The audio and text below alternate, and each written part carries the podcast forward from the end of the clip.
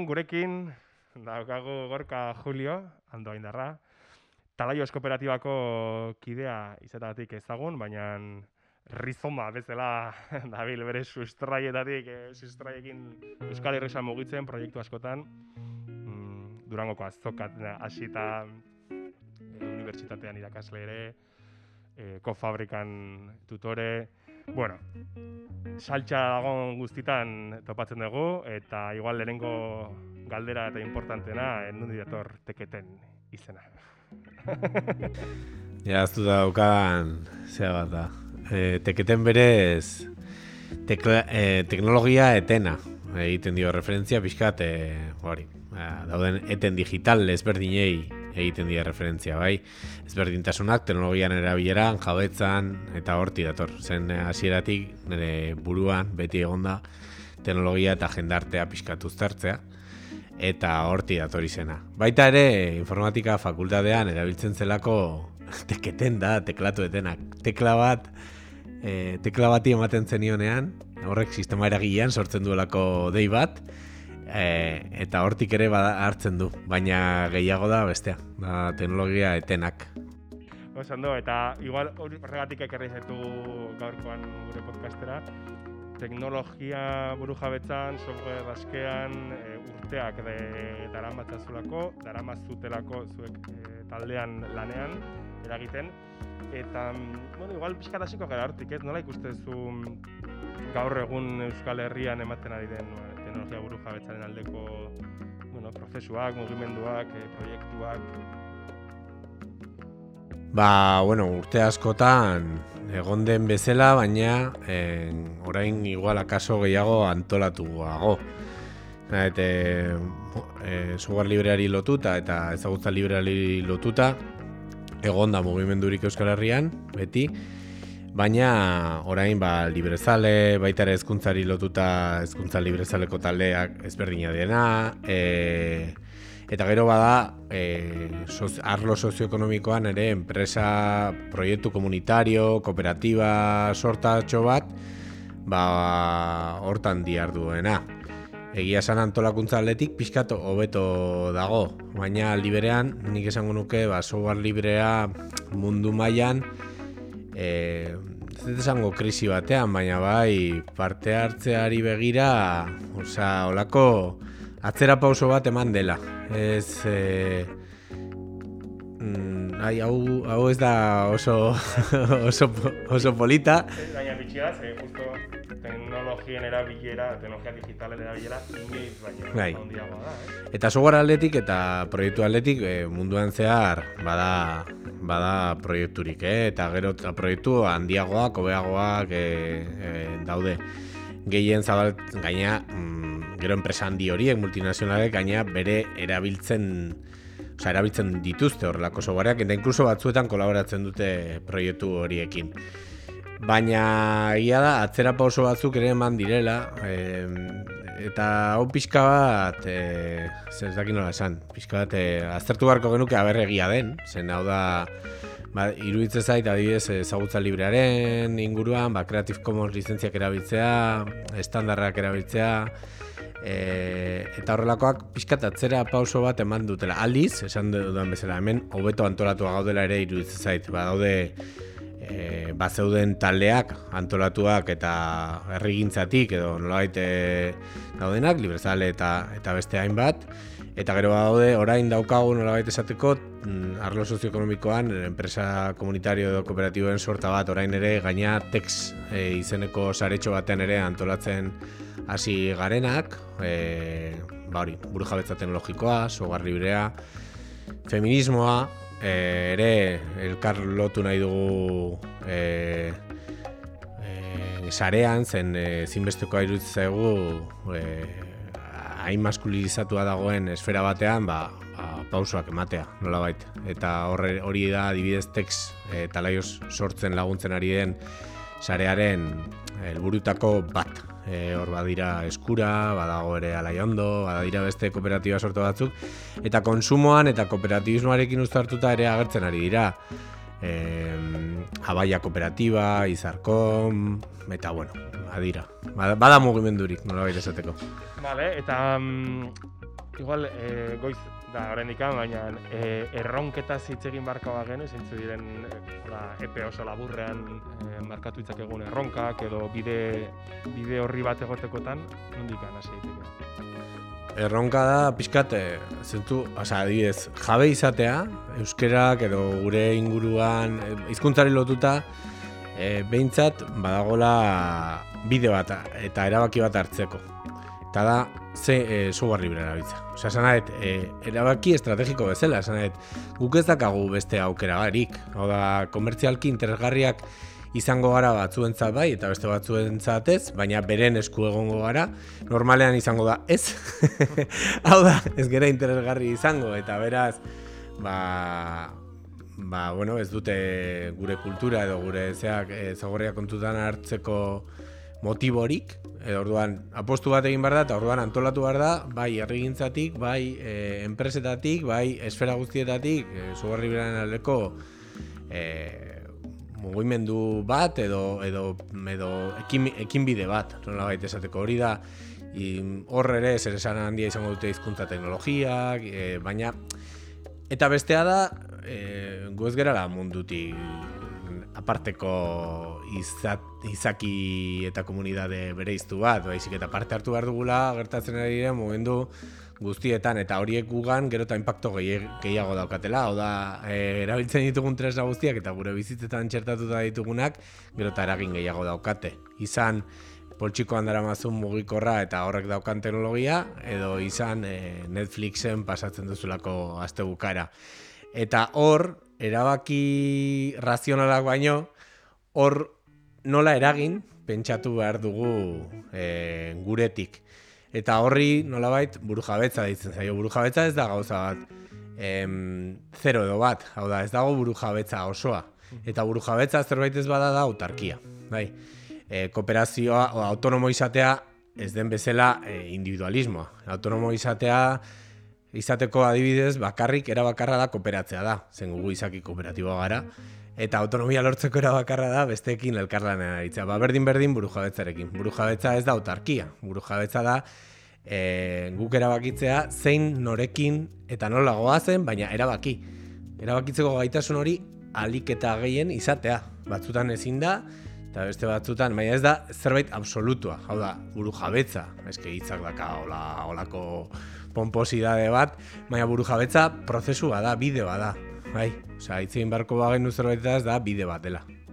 Ondo, eta igual, e, komentatzen duzu software askea hasi, hori, hori da, ez, egin barko baina, baina zergatik, ez? E, e, dependentzia, dependentzia terminoetan hitz egin ezkero, argi dago, e, multinazional e, haundienen esku e, gaudela, baina, bueno, erabilgarritasun ikuspegi batetik e, ez badago uste handi bat, bueno, ba, funtzionatzen badu, erresa bali bat, zagatik ez erabili, ez? Orduan, nola, nola ekarri berbait e, ere muentara, ez? Nola eman garrantzia software askearen erabilerari, zergatik da estrategikoa, zergatik hasi beharko genuke gaurtik gure trantsizio Arrazoi asko daude, baina batzuk labur biltzaren da, eta lehenengoa eta garrantzitsua, esango du lehenengoa, zero izango litzatekena, ez dakagu beste aukerarik. Zana, jartzen bagea mikroan edo jartzen bagara makro perspektiban, e, bukatuko genuke, a ber, nik ez esaten soluzio bakarra denik, baina em, merkatuak ez digu emango behar duguna. Ez digu ematen ari, e, konektibidadeari bakarri begiratzen badiogu, oraindik badago eta orain pandemia pandemia garaian ikusi izan dugu, ez dala eskuide irabazi bat konexioarena, konexio kalitatezkoa zen ez da konexio bat izatea gaur egun. Gazte eta aurra askok ezin izan dituzte jarraitu eta azer esan, ba, lan egin bartzuten gurasoak edo ordenagailu bakarra etxean eukita, ba, ezin zutenak edo ordenagailurik gabe zeudenak. Orduan, zentzu horretan ez da software librea ez da e, merkatuak ez digulako soluzio rik emango. Batzuk etorriko, etorri daitezke merkatutik, baina merkatutik kanpo ere erantzun behar diogu eta eskubiden paradigmatik ere e, behiratu altzaio honi. Hogeita bagarren mendean, konektibidadea ezinbestekoa balima da, hori eskubide unibertsal bada, beraz, irabazi behar dugun eskubide bat. Zen eskubidea, e, eskubide buruz hitz egitea utxala da, osea, eskubidea borrokatzen irabazten dira, eta hori e, gertatuko da baldin eta guk egiten badugu, baina ezin, ezin dugu beste, beste erabaki bat hartu.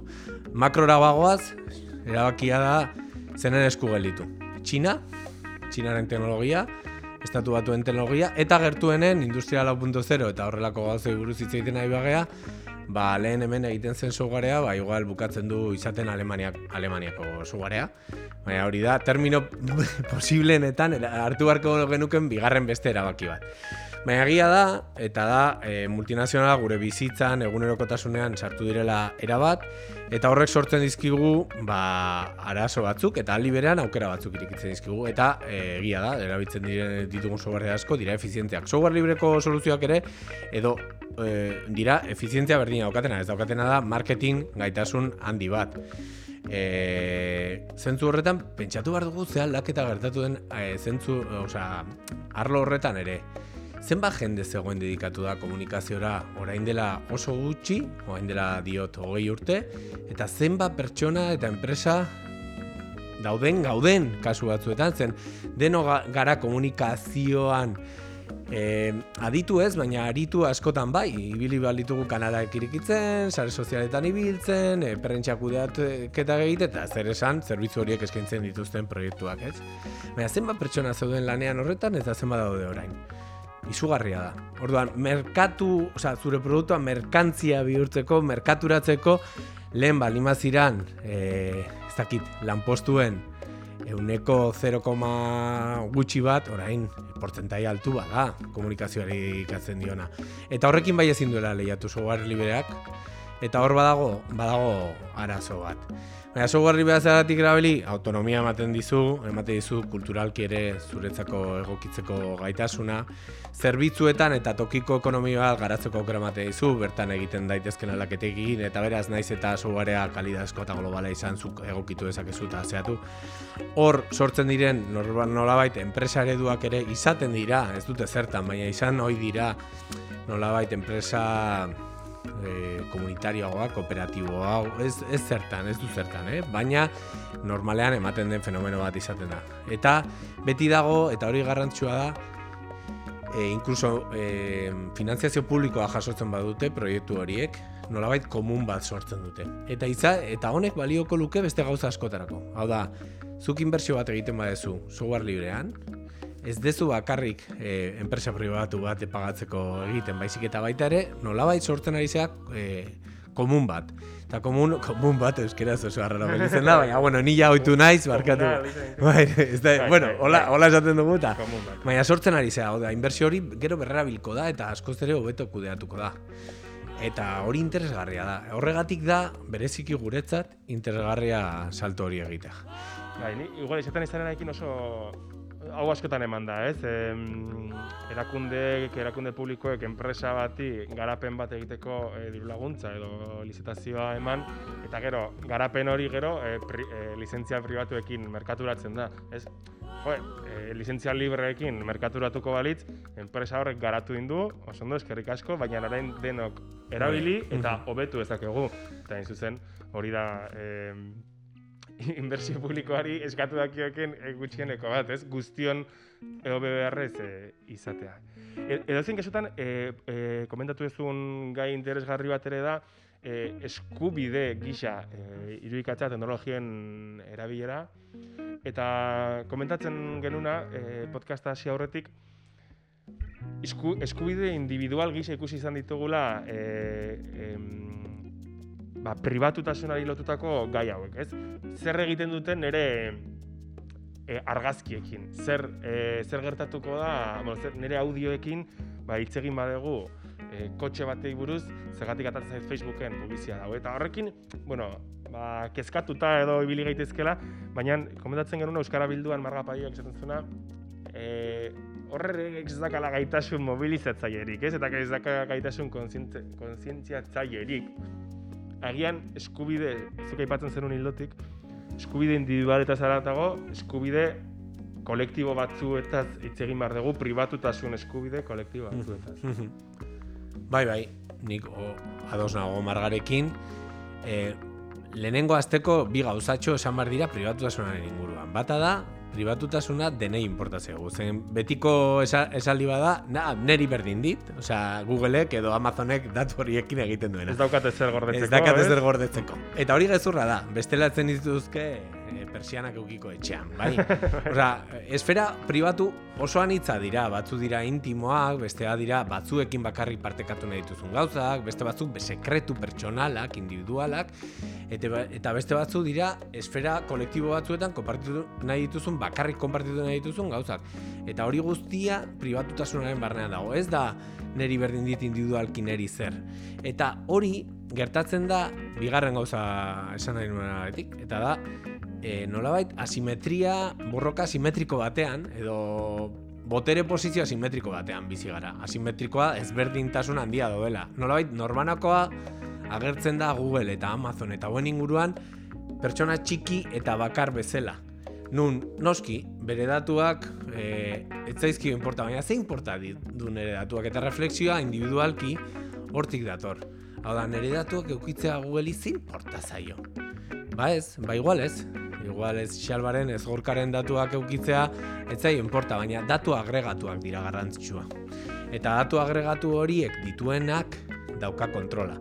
Eta datuekin, benetan, inoiz izan dugun kontrol gaitasun handiena etorkizunak irudikatzeko eta sortzeko gaitasuna eskuratzen da datu analizian oinarrituz.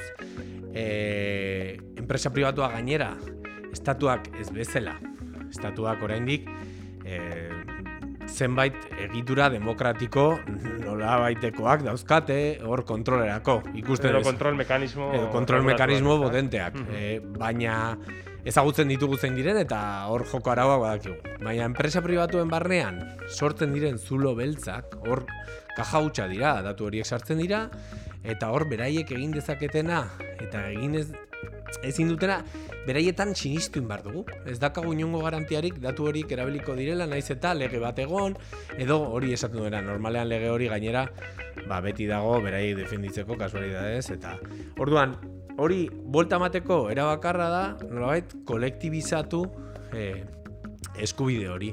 Eta esan, ez da, ez da, nire importazai xalbari, xalbari eh, datuak eh, e, e, eskura, bueno, Googleek datua, xalbaren datuak eskuratzea zergatik, zen hori agregatuko ditu eta guri gizarte bezala sortuko dizkigu arazo arazo handia.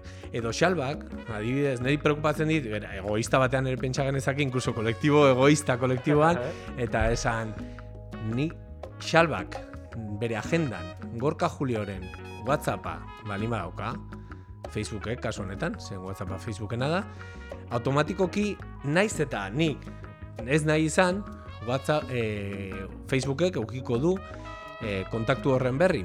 Eta gero gurutzatu halko du bere, beste agenda batzuetan eta nik naiz eta WhatsAppa ez izan nolabaiteko zea hori, eh? zen berak dauka kontaktu agenda horretarako sarbidea. Eta orduan berak egin dezake nire kontaktuen sarea ni parte hartu gabe sare horretan ere. Osea, kuriosoa da, baina eske e, asimetria hori ematen denez, guk asimetria hori hausteko egin behar kolektiboki planteatu eskubide bezala, eta e, errebindikatu edo aldarrikatu zentzu horretan. Baina pauso bat gehiago ere daiteke. Eta pausoa da, antolatzea, eta esan, datu horiek balio dute gauza batzuetarako. Baina beste batzuetarako ere balio dezakete. Eta erabili behar ditugu, jendarte bezala gauzako betzeko. Eta ez, e, nolabait, norbaitzu edo edo zenbait enpresen benefizioa maksimizatzeko, baizik eta jendartearen ongizatea e, e, maksimizatzeko, erabili daitezke datu horiek.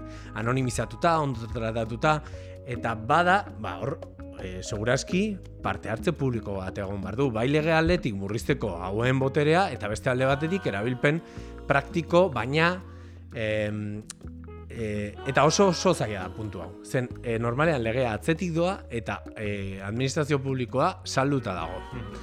Salduta dago. Eta ez da eta eta hori ematen ez den bitartean barazoak izango ditugu. Jende bat antolatzen ari da, zen hala ere.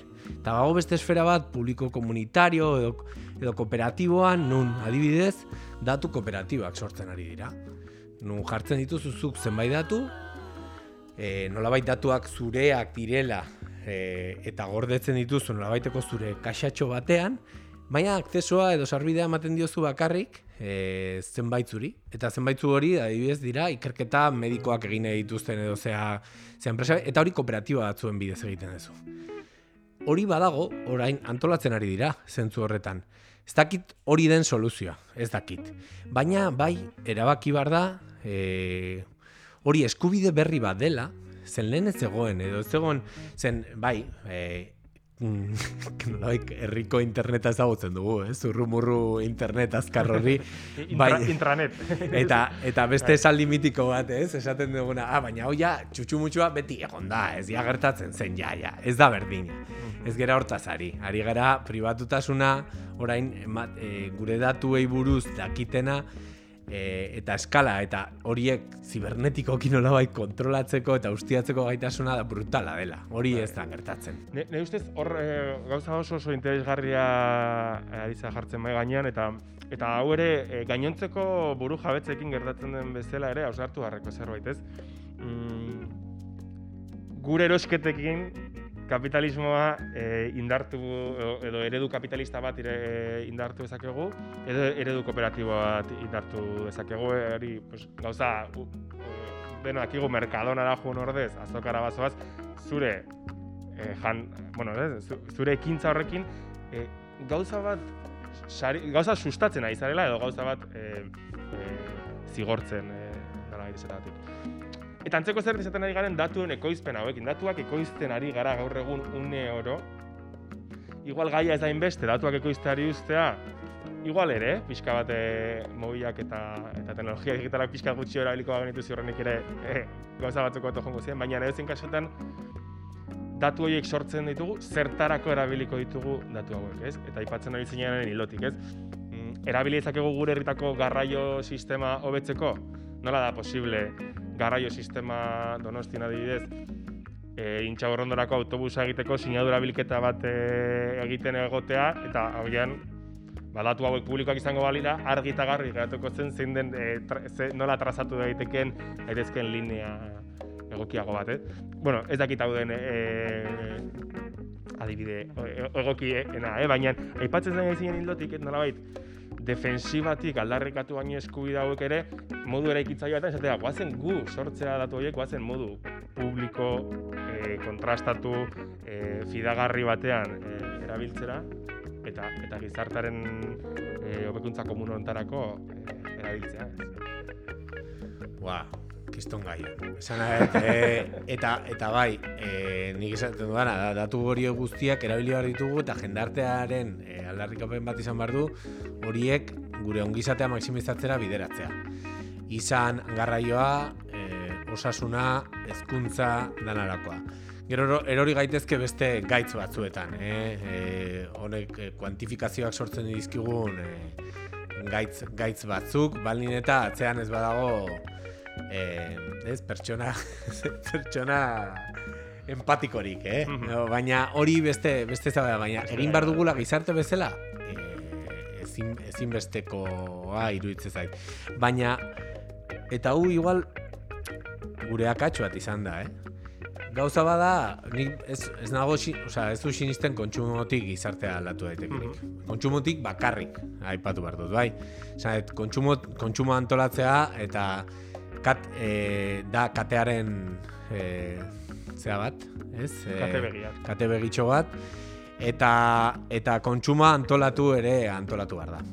Baina kate begi guztiak eta katearen, da, esaten du, bueno, ba, ale e, lanaren edo esfera sozioekonomikoan lan egitea ezinbestekoa da, distribuzioan egitea, finanziazioan eragitea, e, ezinbestekoa da. Kate, eta, eta noski, erreprodukzioan, osea, hor sistema horrek guztiak daukan erreprodukzio mekanismoan e, jo behar da.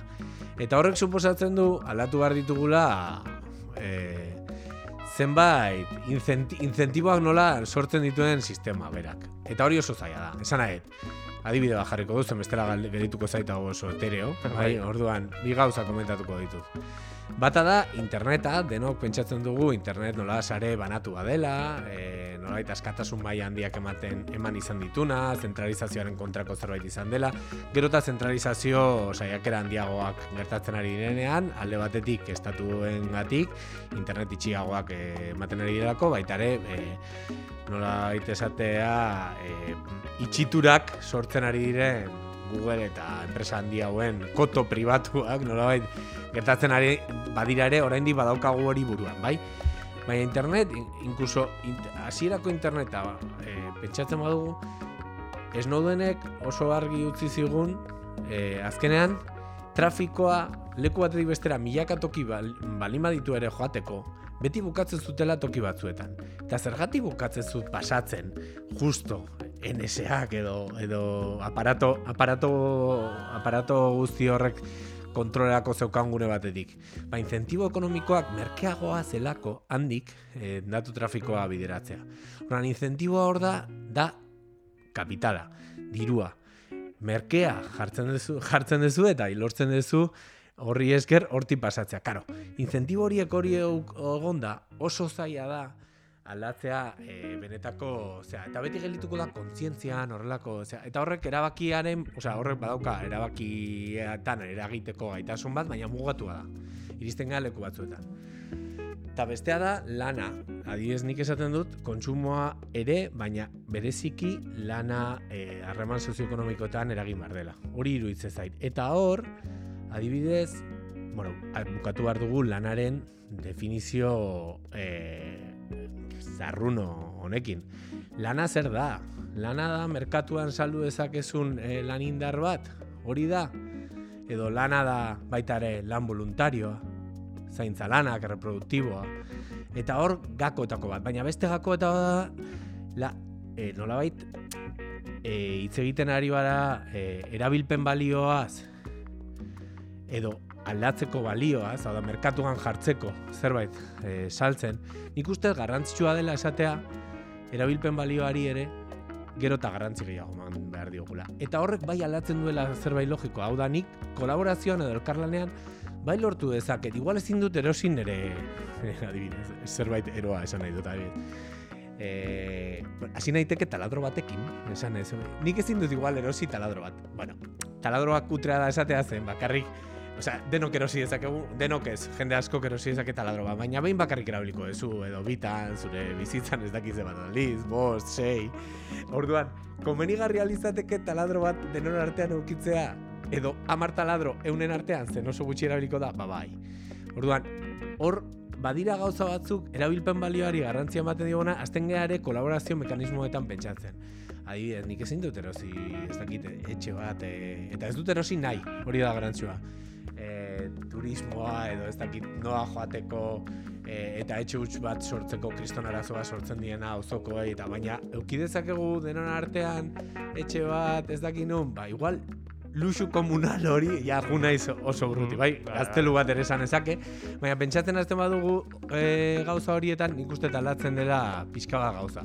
Oso urrun jo naiz, baina esateko, ostia, pentsatu behar dugu eta alternatiba gintza, osea, lehenengo, erreakzioa egon behar du. Osea, nolabait, golpea gelitzeako mekanismoak sortu behar ditugu eta kolektiboak izan behar dute. Hau da, eskubide kolektiboak alerrikatu behar ditugu. Bai, antolatu behar gara eta sortu behar ditugu tresnak hori zehatzeko.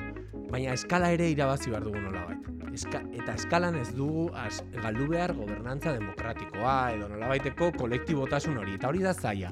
Eta horrek ekartzen du adibidez publikoarekin hartu eman bat izatea. Eta gauza hauek puntu batean ez orain egiten diren bezala kolaborazio publiko-pribatuan, baizik eta beste era batzuek esploratzeko saiakerak egin barko genituzkela.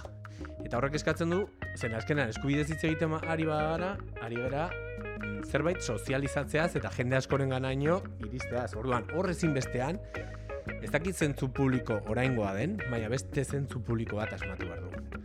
Eta zentzu komuna, lapurtu diguten hitza, niri gustatzen zait, baina zentzu komun bat berrera iki behar da. Hori da, hori da garantzuena. Ba, oso interesantea gorka, e, hitz egiten ari garena.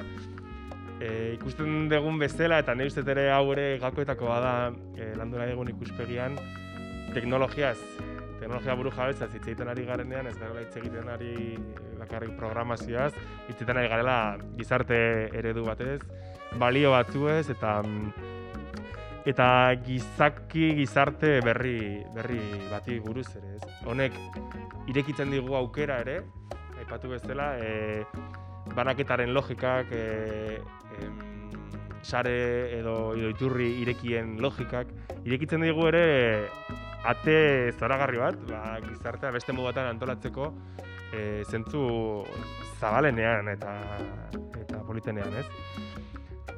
Ez dakite, hola, igual ja denborarekin hor ga- gabiltza, e, amaitzen juteko, baina oso, oso interesgarria itzen zait esaten ari zaren. Ezinbestean, uste dut, e, a ber, burujabetza, ez, burujabetza teknologikoa edo teknologia burujabetza, ez dala berdina, baina guk simil bezala jungo gara, jungo gara e, gure hizkuntza ere pulitzen zentzu horretan, baina ematen du e, aukera beste burujabetza batzuei buruz hitz egiteko eta beste jendarte eredu batzuei bu- buruz hitz egiteko, beti ere eta garrantzua eta honekin apurtu nahiko nukeenik e, frik, frikismo e, frikismoatik atera, atera behar dugula esaten dugu, baina nik ez dut hori esan nahi. Nik esan nahi dudana da frikismoa aitortu behar zaio. Osea, esan nahi, frikismo gabe ez genuke interneta eukiko, hau da, e, bere garaian, bueno, ba bai, e, mm, militarretatik gertu jaio zen, baina benetan, e, unibertsitate ikerketara salto egin zuen bere ala, eta baina benetan, mm, zauden friki kuadrilla batek batzuk erabaki zuten hori patentatu baino e, sozializatuko zuten zerbait izango zela, eta horregatik daukago internet eta bere protokoloak, eta bar, eta bar. Eta orokorrean, e, oso talde txiki eta kontzentratuek egiten dituzte asmakuntza berriak. Orduan, frikismoa aitortu egin behar da. Baina esan behar dana, eta despektiboki hitz egiten dugunean frikismoaz, ba, badauka bere, segun zenek eta nola esaten duen, bada tipikoa, ez? Osea, zu frikiaz bazera ez, ez kritikatu frikismoaz, tio. Osea, e, osea, nik kritikatu aldut, ka- puntu bat badago horrez, baina esan nahi duana da, e, atera bar garela edo sozializatzea lortu behar dugula, ere, e, proposamen hauek. Sozializatu eta jendearen gana zabaldu. Eta el, ul- ulertzen errezak direla. Neri gertatzen zait askotan, hitzaldi bat ematen hasten naizenean edo formazioaren batean, gai teknikoak direnean edo teknologikoak direnean, naiz eta zuk jakin, errezak direla ulertzen. Osea, jende horrek, nik ikusten dut aurrean daukadan publikoa batzutan eta dira eta batzutan dira pasada bat dira doktoreak, idazleak, e, e, bueno, bere, bere, bere jakintza eremuan edo bere bizitzetan kriston esfortzu eta lanak egiten dituztenak e, eta gero kontatzen diezu txorrada bat, aplikazio bati buruz, eta blokeatu egiten zaizkizu. Eta hor- hor- hori da teknikat eta teknologiak daukan e, alienazio baten e, nolabaiteko arrastoa, ez? Uzten du, nolabait, plano tekniko eta teknologikoa, ep, hori, ja, norbaitek, ingeniero batek, ingeniatuko du. Ingeniatuko duen horrek, e, jakingo du, baina ni, nolabait, e, urruntzen naiz hortatik. Hori apurtu inbar da, esan nahet. Teknologia da, poltsikoan dakazun horri, en, telebista piztutzen dezunean daukasun hori, e, ordenagailua piztutzen dezunean, edo e, zure robot nazkagarri horrek etxetik jarraitzen zaituenean. Bai, hor, eh, garbitzeko robot horre. Hori dena da teknologia, eta teknologia da ere e, minbizi bat detektatuko dizun gauza horrek, eskolako, eskolan zure seme alabak erabiltzen duen gailu horrek kontrolatuko duen eta perfilatuko duen datu, datua, eta hori dena, eta orduan horre konturatu behar gara garantzua dela. Eta hor, hor bai, nolabait gure ardura da, hori sozializatzen ikastea. Eta berriro, bai erresistentzia, bai alternatibo egintza, eta bai horren nolabait universalizazioa edo publifikazioan lan egitea. Asmatuko dugu ez dakit, baina bueno, hemen gaude. Bueno, saiatuko gera, eta igual gaurko zenekin utziko dugu, e, gonbiapen horrekin ez da, e, teknologia, e, ze- teknologiaren eztabaida zabaltzea, eta honek bai, ba, nolabait berjabetza bat, ez? E, gaiaren gaineko berjabetza bat, alduntze herritar bat, eta zergatik ez, ba, honek ere gainontzeko buru jabetzetan ere le, lagundu bezan. Gorka Julio, placer bat, nabezu eh, podcast ontarako fitxatuko zaitugu eta hilabetan behin intzakegolako saio bat. Eskerrik asko. Bai, Eskerrik asko zuei.